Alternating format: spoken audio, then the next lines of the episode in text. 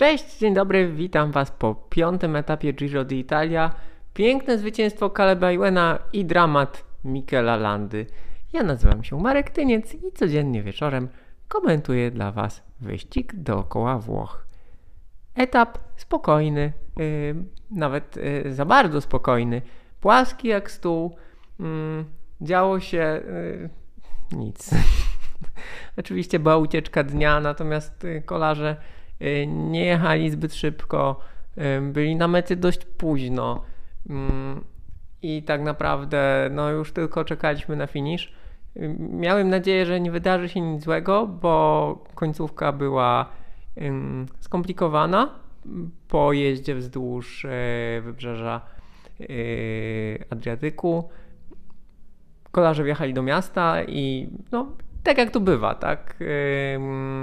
No, żeby pokazać, e, pokazać miasto, które gości, gości peleton. Oczywiście przejazd ulicami, kilka skrzyżowań. No i się zaczęło. Zaczęły się kraksy. Ucierpiał Paweł Siwakow. Joe Dąbrowski wpadł w wysepkę, zderzył się z Mikelem Landą. Mikel Landa nie kończy wyścigu, musiał się wycofać z kontuzjami. Dąbrowski w momencie, kiedy nagrywam, jest na badaniach, dojechał do mety. Siwakow również dojechał do mety. Natomiast no, tam jest podejrzenie złamania obojczyka. Największy dramat to oczywiście wycofanie się Michaela Landy. Słuchajcie, no tak bywa na wielkich turach.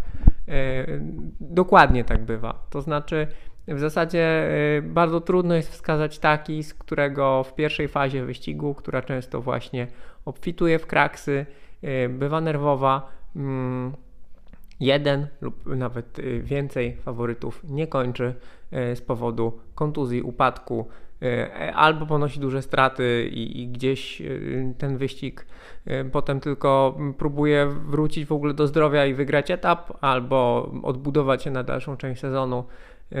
Także no, taki jest ten sport, taki jest sport w ogóle, takie jest kolarstwo.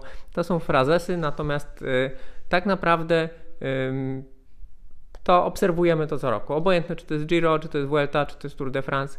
Tak to wygląda. No bardzo przykro, że spotkało to Michela Landę, który wygląda na to, że był naprawdę w znakomitej dyspozycji, który budował y, tą formę y, przez całą wiosnę, był w czołówce najważniejszych wyścigów, ale nie błyszczał, nie miał przewagi nad rywalami. Tutaj dostał do swojej dyspozycji bardzo mocną drużynę i w przeciwieństwie do poprzednich lat e, wszystko wskazywało na to, że jest w stanie e, wykończyć e, pracę tej drużyny. Wczoraj na podjeździe do Sestoli atakował, był agresywny, to on dokonał selekcji. No i już, już nie jedzie w wyścigu, więc naprawdę smutna, przykra sprawa. Życie, kolarstwo. Jeżeli chodzi o sam finish, Caleb Iwen, no jak pocisk. Caleb Iwen jak pocisk. Y, rozpoczął sprint troszkę później. Y, sprint był chaotyczny, dużo wyprzedzania, objeżdżania. No, raczej nie było fauli, chociaż być może Tim Merlier gdzieś tam droga mu została zajechana. Natomiast Caleb Iwen najszybszy pokonał Nicolo, pokonał Vivianiego. Sagan został czwarty, ale już był poza, poza jakby rywalizacją tutaj o, o zwycięstwo. Mm, no i Ewan rozlicza ten wyścig, y, pokazuje, że jest znakomitym sprinterem. Pamiętajmy, że on świetnie się spisał na Mediolan Sanremo, gdzie był y, pierwszy z peletonu, drugi na mecie. No i jest naprawdę, naprawdę świetny. Nicolo również jest w wysokiej formie, więc mam nadzieję, że uda mu się wygrać y, jeden z etapów, ale póki co Caleb Ewan rewelacja. No i y, jest dyskusja w tym momencie bardzo mocna. Tutaj Alessandro De Marchi, lider wyścigu, y, wypowiedział się trochę krytycznie o, o, o trasie. Jest wiele głosów, że było niebezpiecznie, że y, ta wysepka nie była dość dobrze zabezpieczona. No nie była, tak, no nie było jej zbyt dobrze widać. Wydaje mi się, że gdzieś trzeba pamiętać o tym, że potrzebny jest rodzaj kompromisu. To znaczy, kolarstwo jest takim sportem, który oczywiście rozgrywa się w otwartym terenie, na ulicach i tak dalej. I fajnie byłoby, gdyby warunki do rywalizacji były zapewnione jak najlepsze. E, trzeba jednak pamiętać, że po pierwsze ktoś płaci za to, że kolarze wjeżdżają do miasta, więc dane miasto chce się pokazać, chce pokazać na przykład nie wiem, swoją starówkę, swoje centrum, yy, ewentualnie jakaś firma chce, żeby etap kończył się pod jej siedzibą. Gdyby miało być yy, całkiem w 100% bezpiecznie, to pewnie trzeba byłoby kończyć na autostradzie albo na, pod supermarketem, yy, gdzieś na obrzeżach miasta. Mm, natomiast no, można, można wiele rzeczy zrobić lepiej, tak? Można tutaj na przykład nie było malowanek na ulicach, może była nowa nawierzchnia i, i jeszcze nie zdążyli pomalować, więc orientacja była utrudniona. Ten marszal, e, czyli osoba zabezpieczająca tę konkretną wysepkę, zresztą ten e, człowiek również ucierpiał w kraksie, no on tam stał z flagą i machał, ale trzeba pamiętać, że na, na ulicach miasta, jeszcze w szpalerze kibiców, y, kolarze no, widzą to w ostatniej chwili. Czasami w ogóle, mimo że tam stoi człowiek i, i wymachuje flagą, to tego nie widzą, więc y, no, na Tour de France i na klasykach pojawiają się na przykład takie większe strzałki wyżej świecące, które więcej zawodników może zauważyć.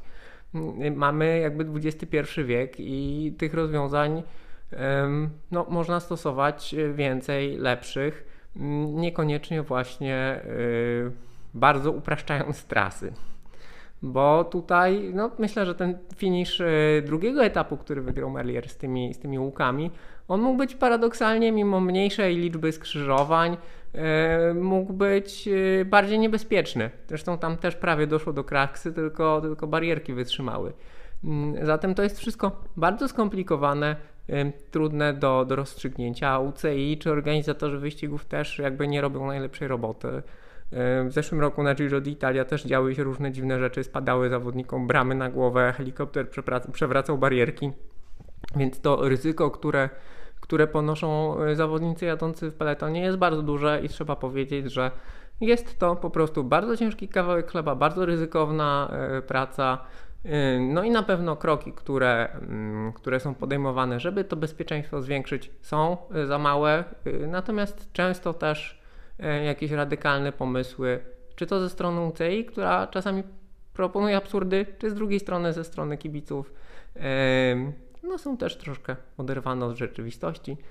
Zatem, jeżeli macie jakieś pomysły, jak zwiększyć bezpieczeństwo kolarzy na finiszach, w miastach, w górach, to nie krępujcie się. Zapraszam do komentowania pod tym filmem. E, no i tyle po dniu dzisiejszym. E, szkoda Mikala Landy, zwłaszcza, że jutro pewnie miałby okazję do ataku, bo jutro e, pierwszy naprawdę poważny, poważny sprawdzian w tegorocznym Giro, długi etap, góry, no i podjazd do mety 17-kilometrowy, 6%, ale końcówka 8-10%. Zatem Ascoli e, przywita kolarzy, no i jutro na pewno już większe, e, większe różnice. Zobaczymy. Bez Michela Landy niestety. E, zatem do jutra wieczorkiem skomentuję dla Was kolejny etap Giro d'Italia. Cześć!